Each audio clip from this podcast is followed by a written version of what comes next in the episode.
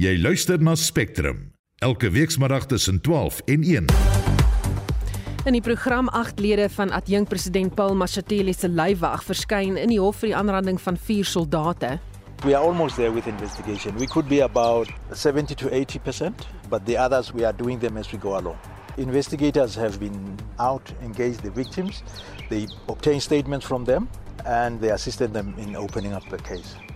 Nuwe vrae word oor die Lady A Russiese vragskip gevra en Banyana se spel teen Swede word geprys ten spyte van 'n nederlaag. Ek dink ons het alles verwag wat hulle na ons toe gegooi het en ek dink ons het baie goed hanteer. Ons was in die defense baie goed geweest in die middelveld ook. Welkom by Spectrum, die span is Hendrik Martin, Daitrin Godfrey en ek is Susan Paxton.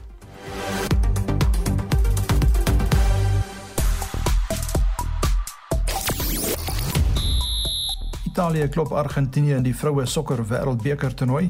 Die Suid-Afrikaanse mans tennisspeler Lloyd Harris beoog om weer onder die top 200 te wees en op die rugbyveld bly die Blue Bull Daisies onoorwonde na 'n reuse oorwinning oor die Haie. Ek is Shaun Jooste vir RSG Sport. Ek sien uh, die hitsmerk Home Affairs is tans 'n gonswoord op Twitter wat nou uh, ook bekend staan as X en uh, Justin gaan 'n bietjie later berig oor die naamsverandering van Twitter wat plaasgevind het.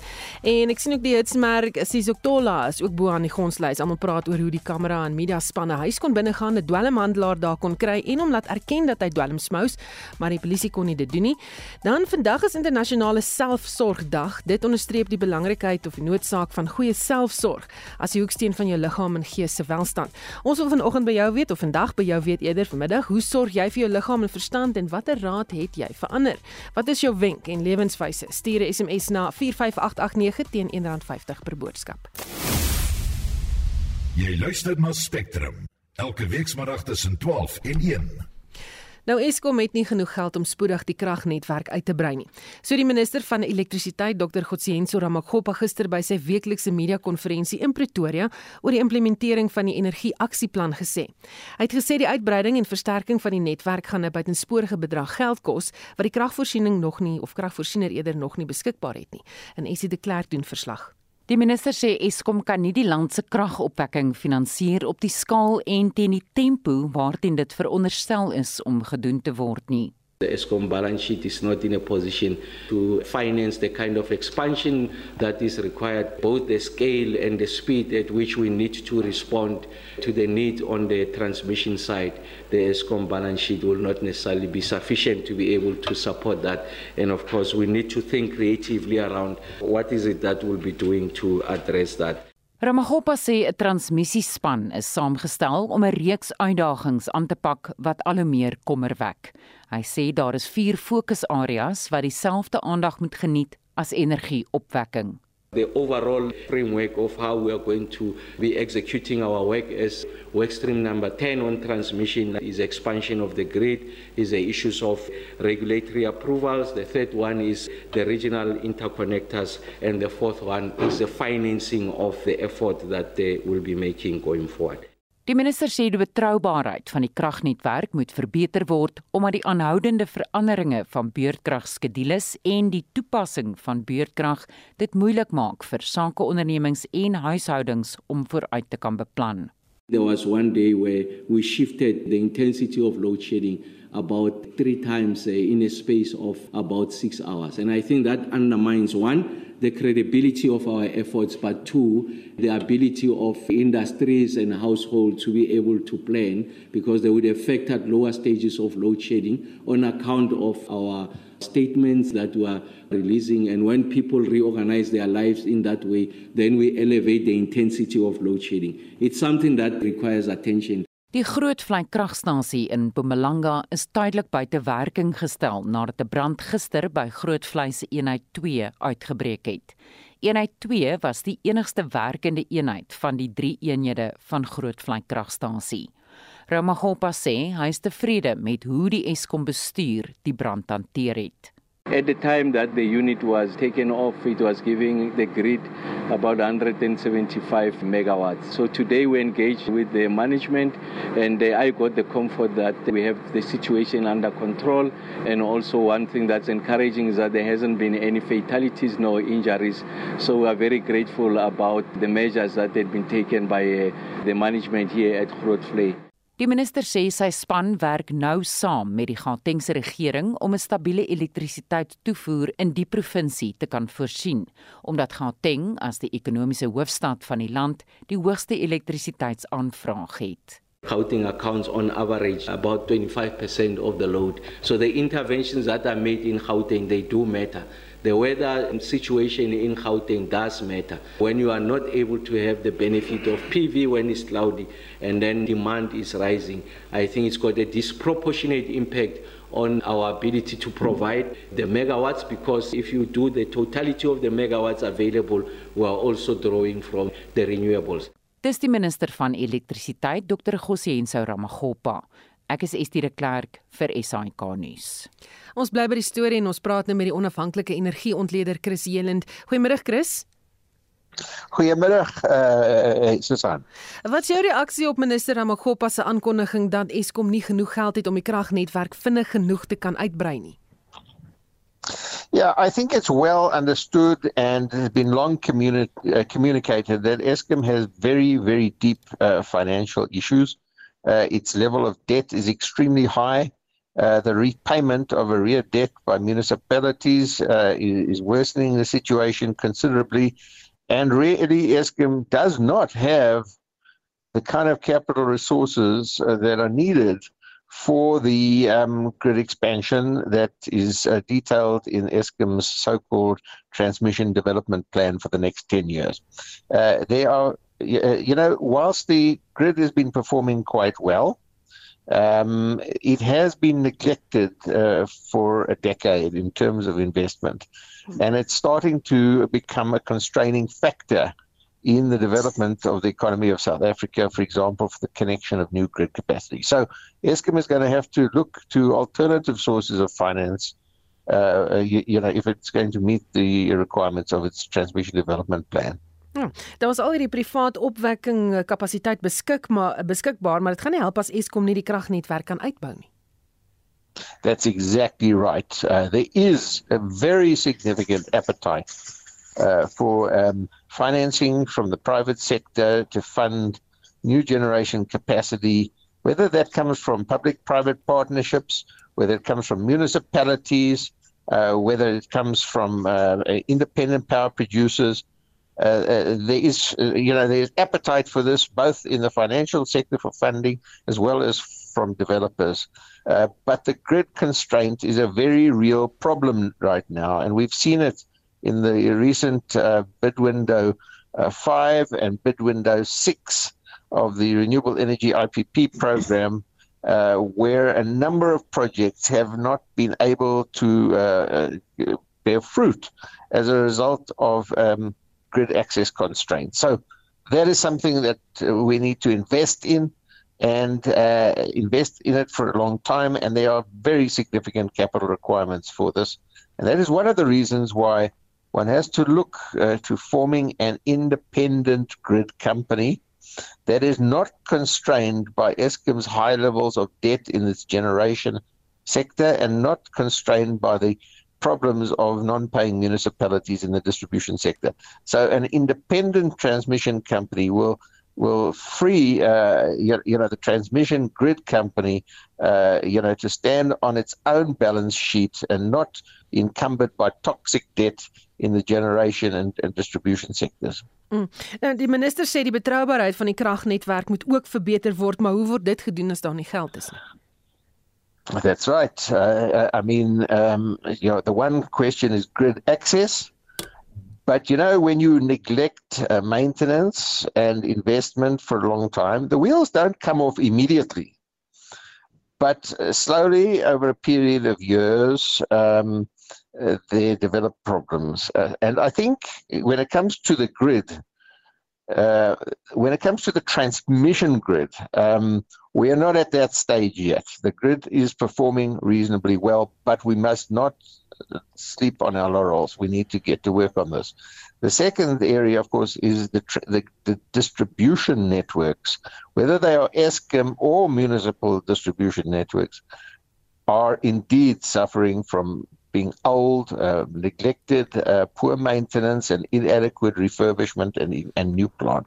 So uh, a lot of the problems that people experience, uh, you know, in towns and cities around South Africa, um, and even in the Eskom municipal areas, uh, you know, farmers experience uh, this in the Eskom areas of supply on the distribution network. There are really serious maintenance refurbishment issues at distribution level.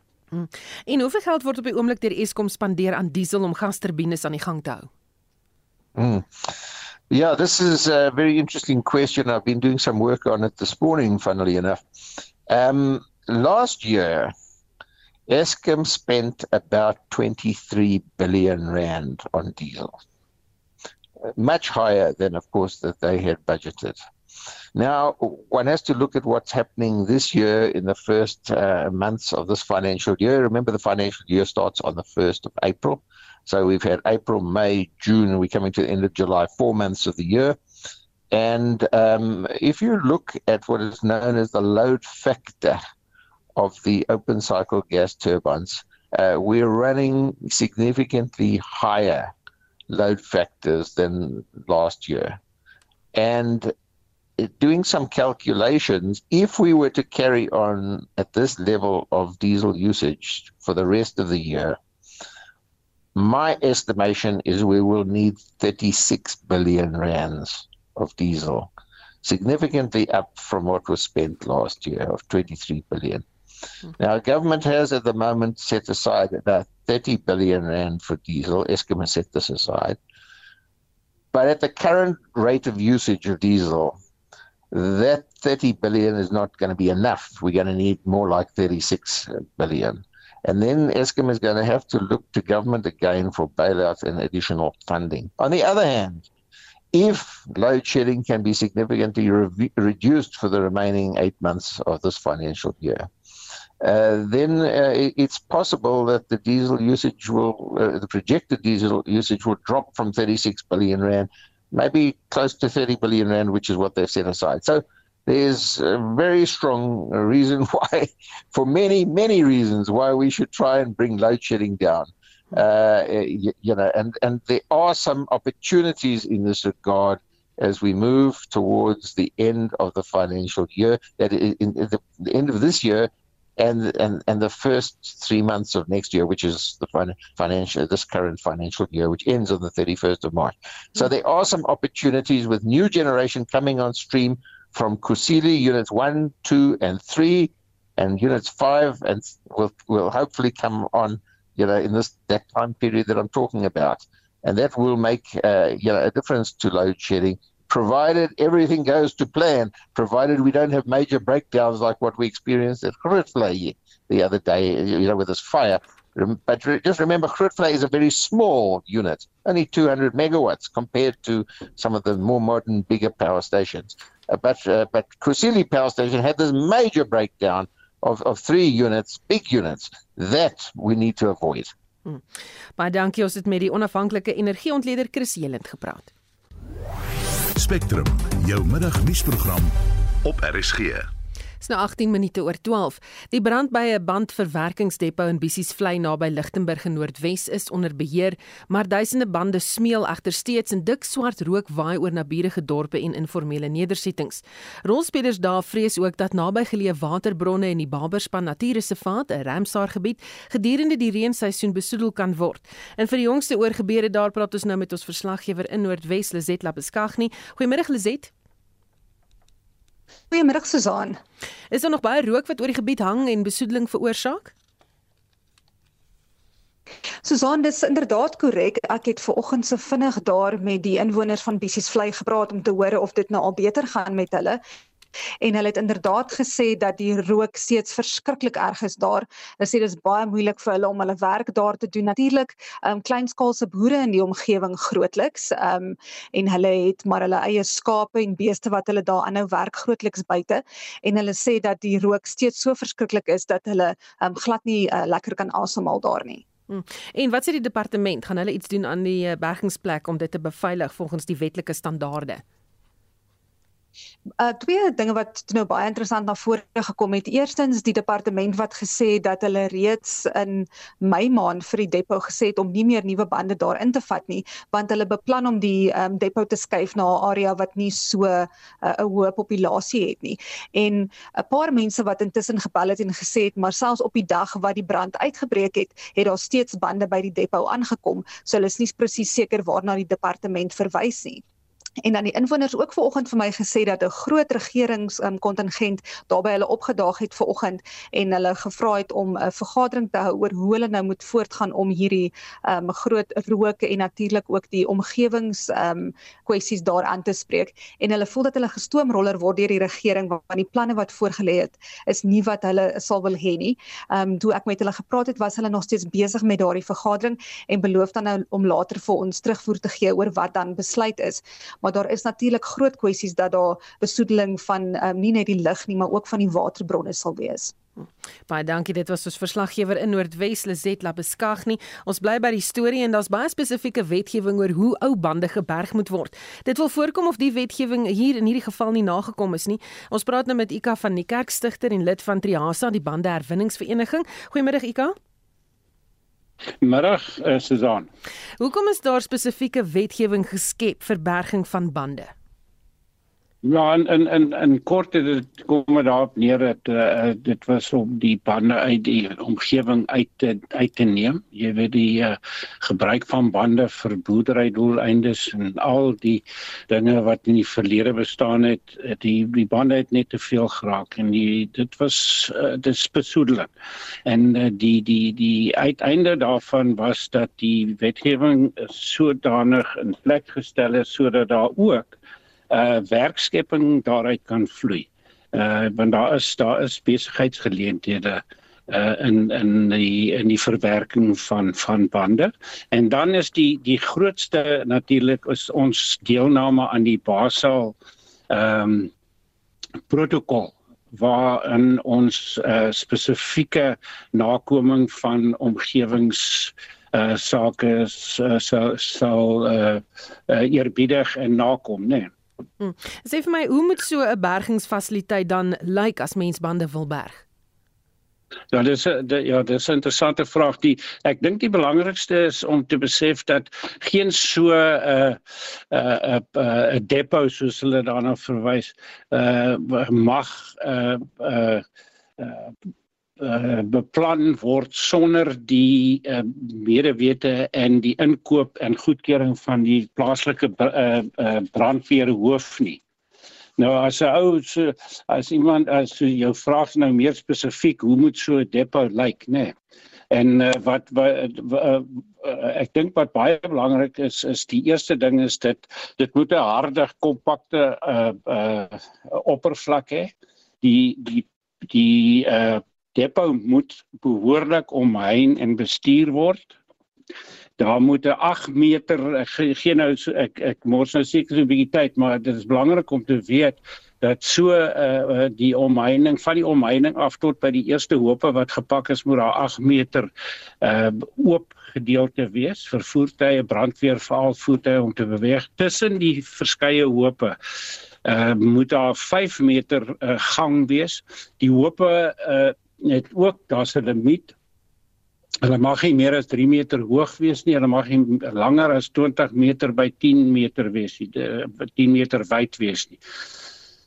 Uh ja, dit daar ja, dit is daar daar's baie spesifieke uh uh, uh maatreëls wat in plek moet wees ten einde so 'n depo te registreer. Ehm um, hoeveel sulke bergingsfasiliteite is daar in die land en word hulle dan nou behoorlik gepolisieer en die wet nagekom? Of is daar nog plek vir verbetering? Want ek was byvoorbeeld Vrydag in Bissies Vlei op hierdie bergingsfasiliteit. Daar is nie min of meer enige iets wat jy nou genoem het daar gedoen nie. Ja, ongelukkig is dit so. In my maand verjaar, net om die getal te gee, was daar 29 uh, aktiewe depots. Daar's daar word nou meer uh, meer depots beplan en uitgerol.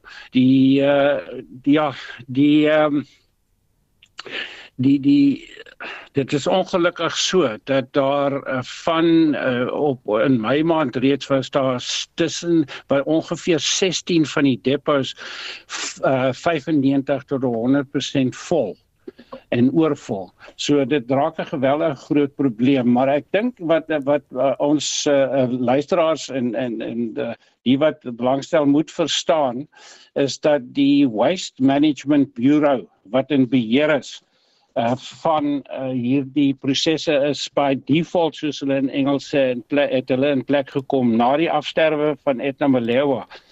Is pas die beplanning gewees uh, of het ons sedert uh, da, uh, haar afsterwe het, het die departement al nie minder as 4 of 5 ministers gehad in 'n kwessie van 4 of 5 jaar. En die waste management bureau wat in in beheer is is se se wetlike uh, verpligtinge is nie om te doen wat hulle uh, op hierdie stadium vir, voor verantwoordelik is nie. Ehm um, en ons is op die vooraand van is wat uh, na verwys word is section 29 waar in die nodige wetgewing en maatreëls in plek sal wees ten einde hierdie groot baie baie groot en toenemend groot probleem op te los.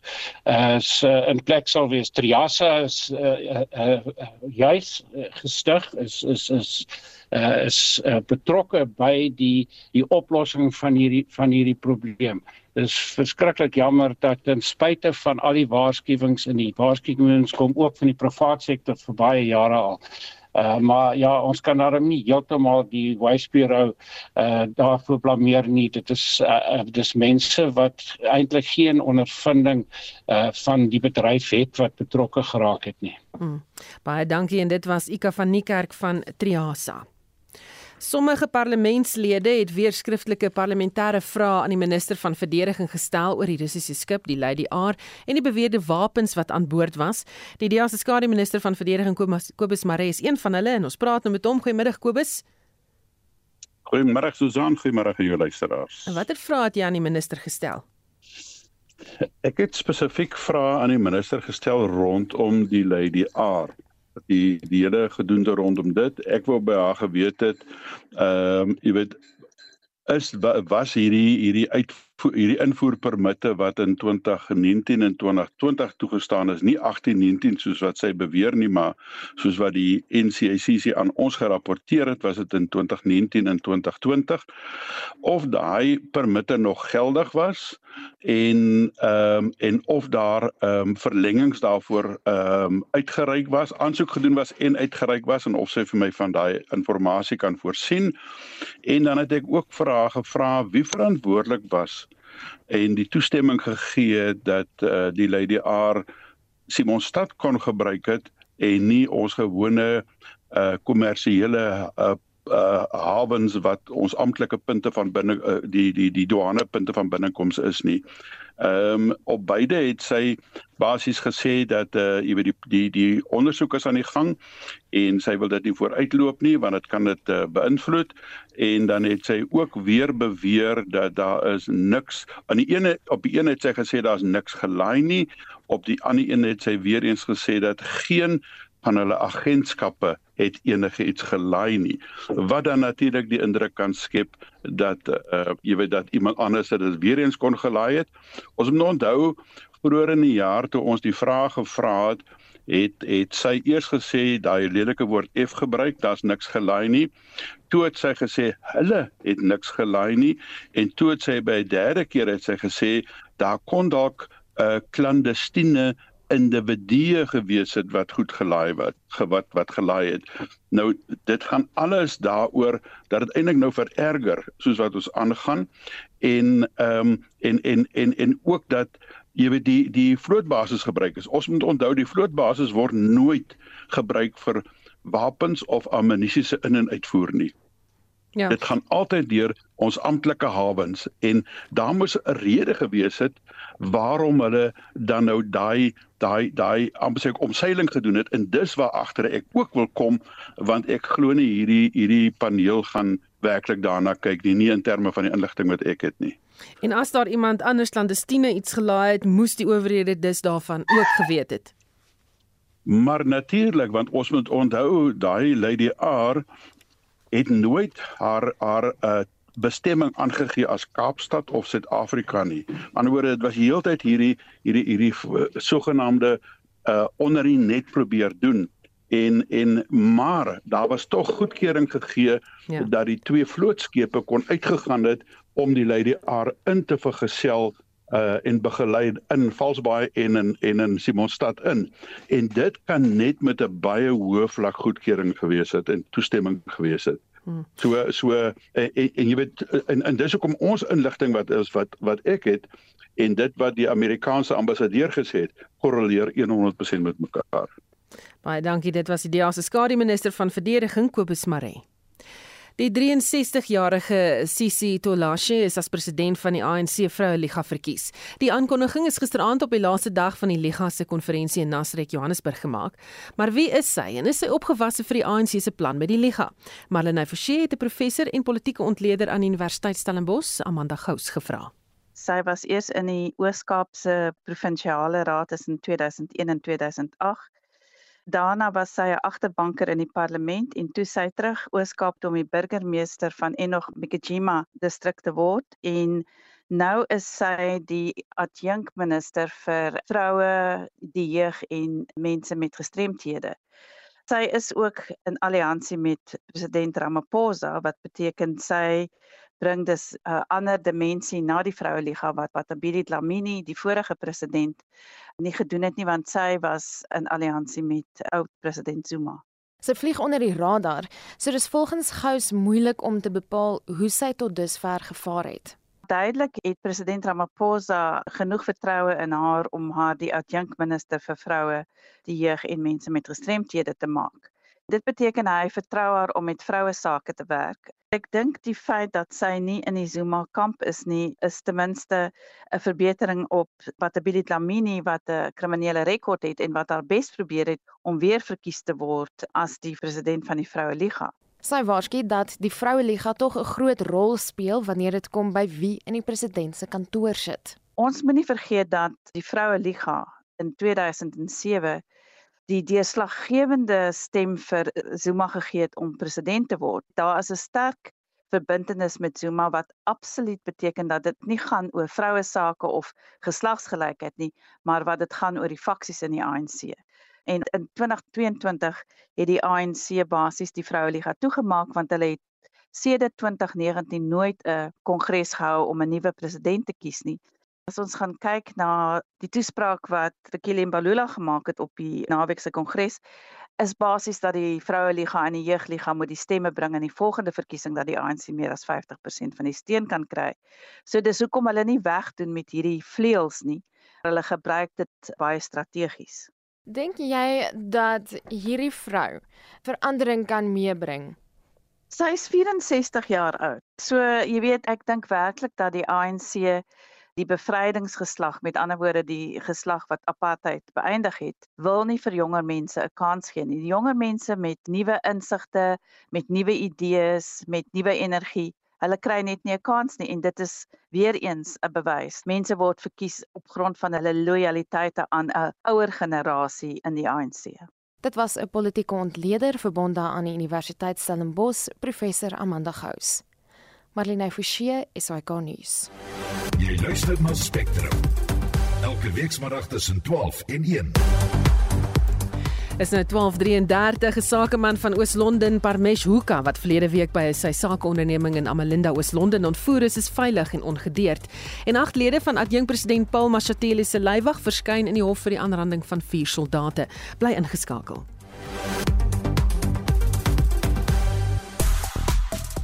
Nou ja, ek sien dat uh, op X, dis nou nie meer Twitter nie, is daar 'n uh, eh, verskeie hitsmerke wat uh, oor daaroor gepraat word. Een is hitsmerk Senzo Mjiwa, daardie hofsaak het vandag voortgaan en ook SABC radio stations en dit gaan oor die vroue uh, sokker wêreldbeker en waar jy dit oral kan gaan luister en kan gaan kyk wat aangaan. En dan uh, bly bietjie in bly ingeskakel want Justin gaan vir ons vertel oor X, die voormalige Twitter en uh, dan gaan hy verstel presies wat daar gebeur het, maar as jy nou hom gaan oopmaak die toepassing, dan gaan jy sien dat daar nie meer uh, Twitter staan of die klein voeltjie is nie, daar's 'n X. Gaan loer gerus, is baie baie interessant.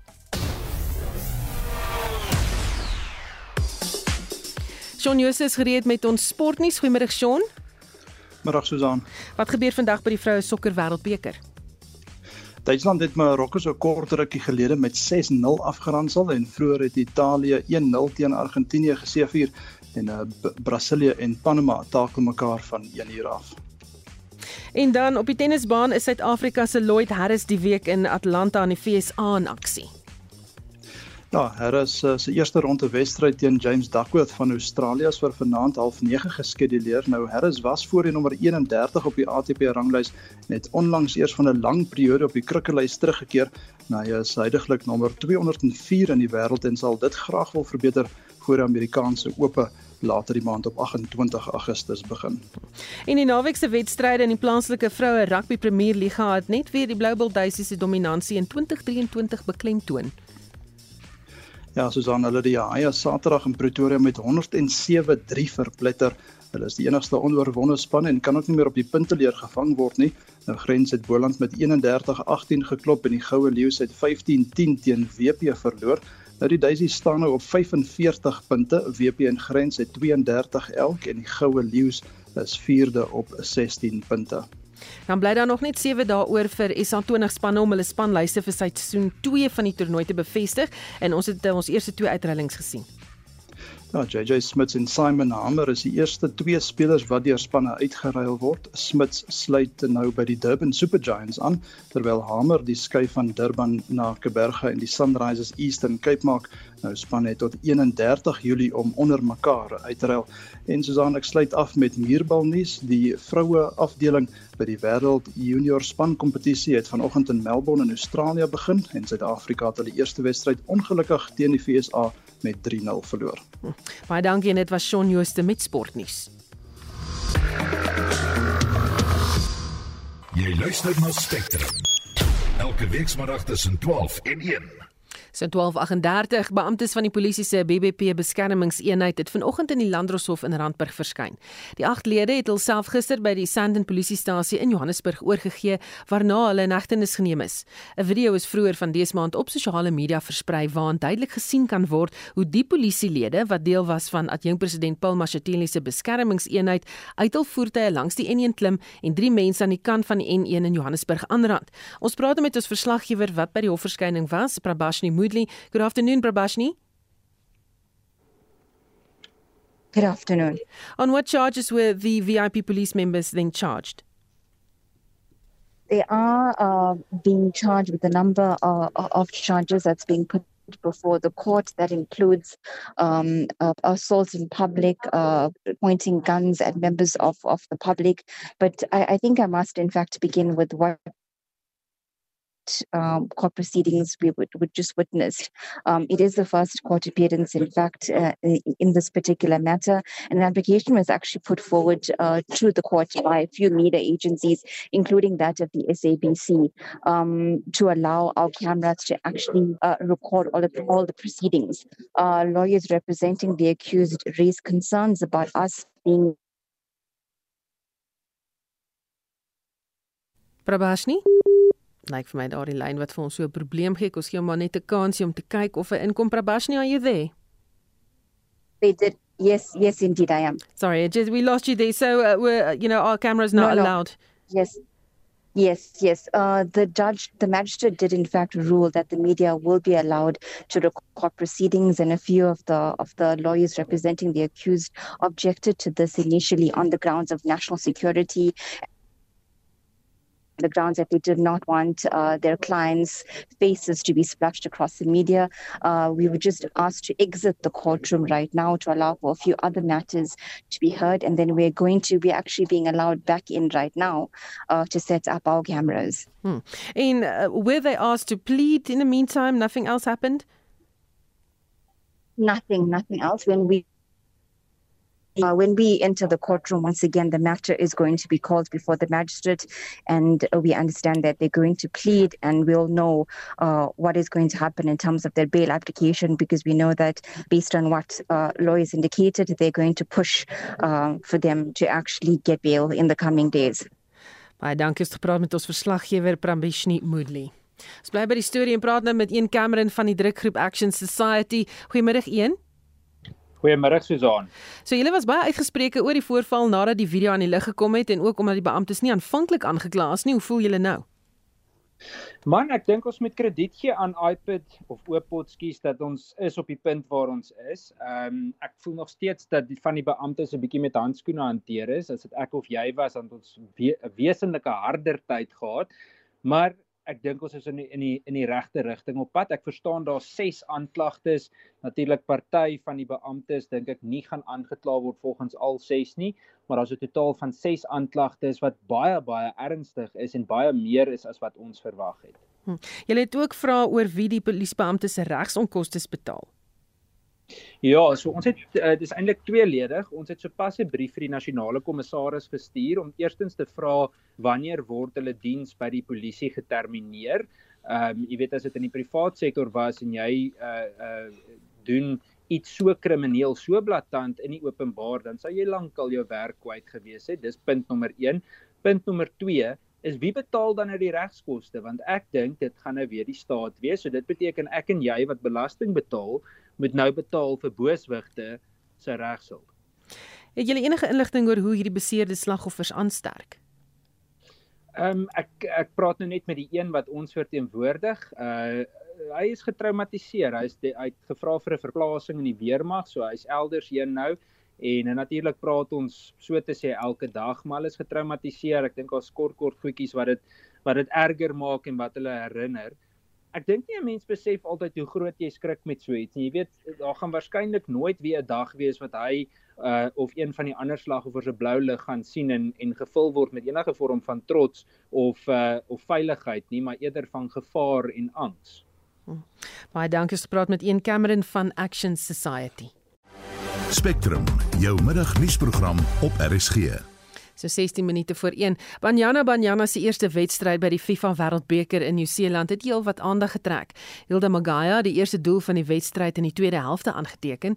Daarna het Swede twee doele aangeteken, maar Banyana ontvang steeds lof vir hulle goeie spel. Die afrigter Desiree Ellis het so gereageer. Dit het baie goed gespeel. Is net jammer dat ons jou nie weer kon aangehou het nie. Maar ek dink ons het alles verwag wat hulle na ons toe gegooi het en ek dink ons het baie goed hanteer. Ons was in die defense baie goed geweest in die middelveld ook. Ek dink net in die final third moet ons transitions as ons beter was, het ons 'n ander resultaat gekry. Maar jy weet, ek dink dit was baie mature performance van die spelers geweest. Game plan perfect executed en was heartbreaking om aan die einde so die wedstryd te verloor, maar dit gee ons baie confidence en moedig ons baie aan ook, jy weet vir die twee wedstryde wat ons nog moet speel. En dit was Banyana Banyana se afrigter Desiree Ellis, die span met Vrydag om 2:00 die oggend Suid-Afrikaanse tydkragte teen Argentinië. En ons bly by hierdie storie. Die hoofdirekteur van sport aan Universiteit Stellenbosch, Ilham Groenewald het aan Marlenae Forsie gesê hoewel die span teen Swede verloor het, dat baie is om oor opgewonde te wees. Ons het teen die derde beste span in die wêreld gespeel. En om te dink ons het geen doele weggegee in die eerste helfte nie en toe het ons ons die eerste doel gaan aanteken. En basies het ons hulle gehou in die wedstryd en die laaste paar minute het ons verloor in die wedstryd. Gegeewe die posisie van Swede en gegeewe Banyana se posisie en gegeewe die spel wat ons gister daar gestel het, is ek baie gelukkig. Dis Banyana se tweede wêreldbeker en Groenewald meen die wêreld moet kennis neem van die span. Banyana Banyana het die laaste paar jare die deur oopgemaak vir baie vroue sport in Suid-Afrika om dit op die hoogste vlak daar te stel en sê vir die res van vroue sport in Suid-Afrika, dit is ons tyd. Een ding waaroor daar baie gepraat word is hoe kort ons vrouespan is in vergelyking met onder meer die Swede. So tot watter mate beïnvloed dit die span se kansse? Dit het baie te maak met die spelvoorbereiding en ek dink ons doelwagter Kylen Swart is nie een van die langste spelers nie alhoewel sy baie ratse speler is. Dit sy baie hoë balle wat die uitdaging altyd vir haar sal wees en dit is wat die Swede gedoen het gister. Hulle het die bal hoog gespeel en gebesluit om hulle doele so aan te teken. Ek dink vir my gaan dit oor die verdedigingspatroon Ons afrigter Desrey het definitief 'n plan. Jy kan agterkom in die onderhoude wat gevoer was voor die wedstryde na die wedstryde. Hierdie is 'n span wat saam praat. Jy sê nou dit is 'n span wat praat. Vrydag speel hulle teen Argentinië. Waaroor gaan hulle moet praat? Hoe gaan hulle moet voorberei? Wat dink jy? Gegee ons prestasie teen Sweden, kan ons die wedstryd met baie groot selfvertroue ingaan. Ons span moet die fokus en die kalmte behou wat ons gehandhaaf het gedurende die wedstryd met Sweden en weer ingaan met daardie selfvertroue dat ons kan dit doen. Ek dink die spelers is dit baie duidelik dat hulle dat hulle ons praat as 'n span dat ons verstaan wat ons moet doen as 'n span en dat die bestuurspan agter ons spelers weet presies om my wedstryd te benader. Volgens Groenewald moet die span nou op daardie hoë balle fokus. Ons moet weet wat die speelplan gaan wees en baie baie belangrik as 'n span glo dat ons kan. Ek is seker dat daardie miljoene wat Vrydagoggend hy wedstryd gaan kyk, glo dieselfde, want gister se wedstryd was 'n aanduiding dat ons Banyana Banyana span definitief het die geleentheid om baie goed te doen in die res van hierdie wêreldbeker. Dit was die hoofdirekteur van sport aan die Universiteit Stellenbosch, Ilam Groenewald. Marlene Forsie, SAK nuus. Die groot probleem in ons opinie op Suid-Afrikaanse paaie is gedrag van bestuurders. En om te dink jy gaan 'n stukkie wetgewing daar sit en daai wetgewing gaan dan die verskil maak tussen of mense nou 'n goeie gedrag of slegte gedrag op die paaie het, maak natuurlik glad nie sin nie. Daar is ook hierdie kwessie van is daar genoeg kapasiteit binne die huidige stelsel om hierdie aardto wetgewing korrek te implementeer? En ons glo nie dit is die geval nie. Brandpunt. 'n Fokus op al die nuusgebeure van die dag weksmiddag tussen kwart voor 6 en 6 uur op RSG. As jy nou x.com in jou webblaaier intik, word jy herlei na twitter.com. Dis reg Elon Musk het besluit om die sosiale media netwerk se identiteit te verander. Geen meer blou voeltjie of tweets nie, berig Justin Kennerly. Musk het gisteraand getweet en binnekort sal ons die Twitter handelsmerk en geleidelik al die voels vaarwel roep. Hy het bygevoeg dat Twitter se nuwe logo, 'n X, vandag in gebruik geneem word. Ons het die redakteur van mybroadband.co.za, Jan Vermeulen, hieroor uitgevra. Ja, dis 'n fantastiese vraag wat presies in sy kop aan die gang is. Hy het hierdie domein teruggekoop, x.com, so ruk terug en ek dink hy brand om dit te gebruik. En hy sê um, op Twitter die doel is om uiteindelik basies 'n super app te bou baie dieselfde as wat WeChat of Alipay is in China. Hulle het die konsep van die super app regtig vervolmaak en uitgevoer aan die res van die wêreld. So ja, op papier, dis wat Musk se plan is, maar om 'n Twitter se naam te lol, dis gevaarlik. Dit moet geen verrassing wees dat Musk die letter X op dië manier wil gebruik nie. Dit verskyn in al sy produkte en maatskappye. Dink byvoorbeeld aan SpaceX, die Tesla Model X, selfs sy een kind se naam is X.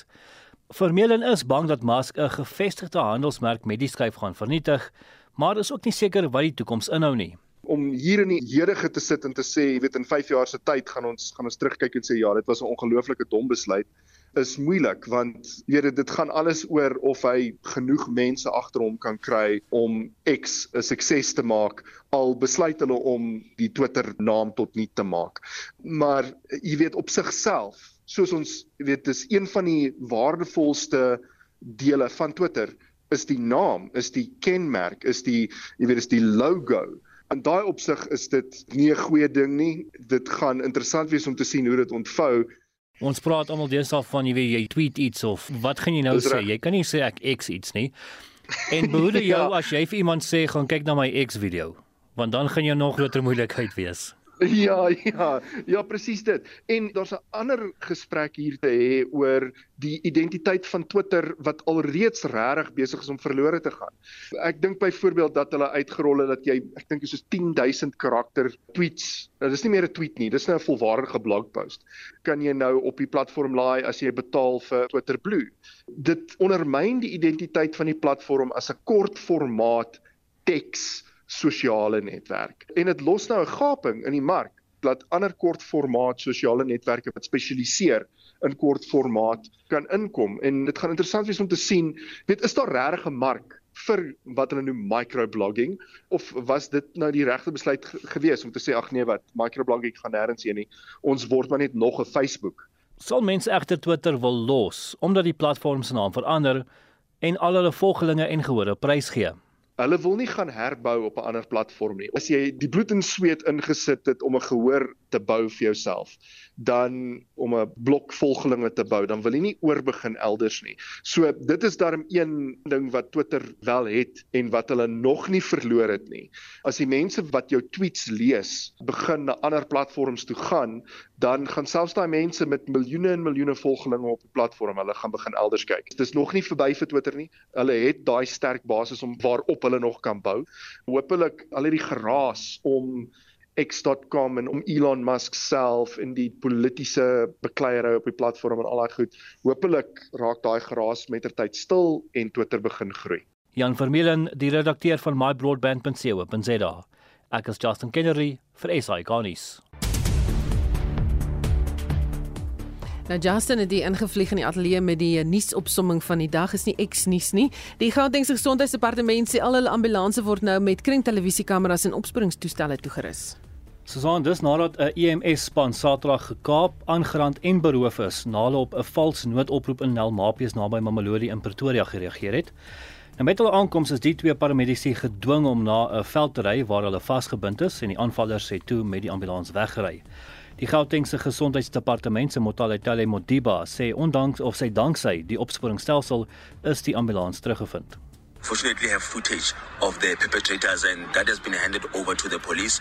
We hope that this is going to assist in speeding up the case. Part of the other measures that there is a program now to roll out the Gauteng panic button, which is obviously going to be given to health workers that find themselves in vulnerable spaces. En ander nuus, die Weskaapse premier Ellen Windey het 'n doelwit om oor 12 jaar, dis nou 2035, 'n ekonomie in die provinsie te hê wat 1000 miljard rand sterk is. Die doelwitte som Windey op in die Weskaap se nuwe ekonomiese groei en werkskepingsstrategie.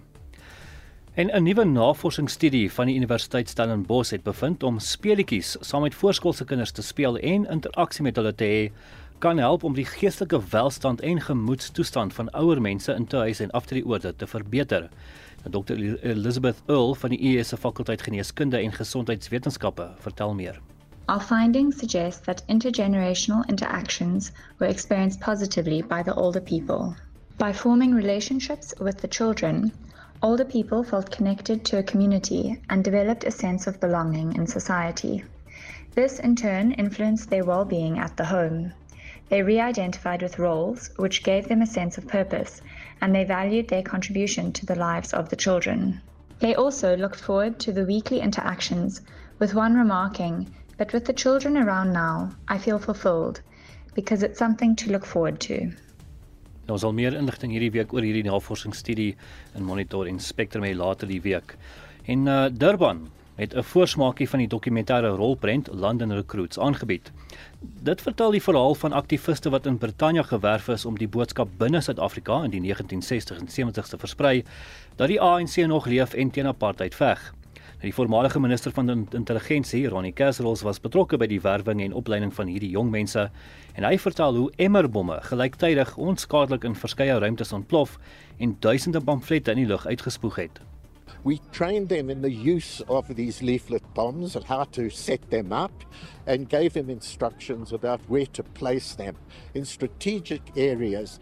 Uh, the marketplace, the train stations, the taxi ranks, and on a particular time and day throughout the country in five major cities. They didn't know of this, but they would place four or five of these bucket bombs around the city, and at a specific time they would all bang, go up, and it caused tremendous excitement on the ground. Hier stem daar van die voormalige minister van intelligensie Ronnie Kasrils. En Justin Kennerly met die nuusopsomming.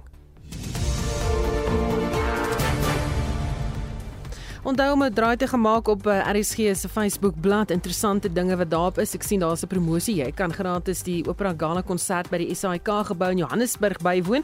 Ek uh, gaan vir meer besonderhede gaan loer gerus daar wat jy moet doen om dit reg te kry. En onthou RSG is ook op Instagram. Gaan volg ons daar en dan uh, kan jy kyk wat ons alles aanvang en hoe ons almal lyk like wat jy uitsaai. Ons groet. Dit was Spectrum met uitvoerende regisseur Nicoline de Wee en vandag se redakteur Hendrik Martin, ons produksieregisseur Daitrin Godfrey. My naam is Susan Paxton bly ingeskakel vir 360.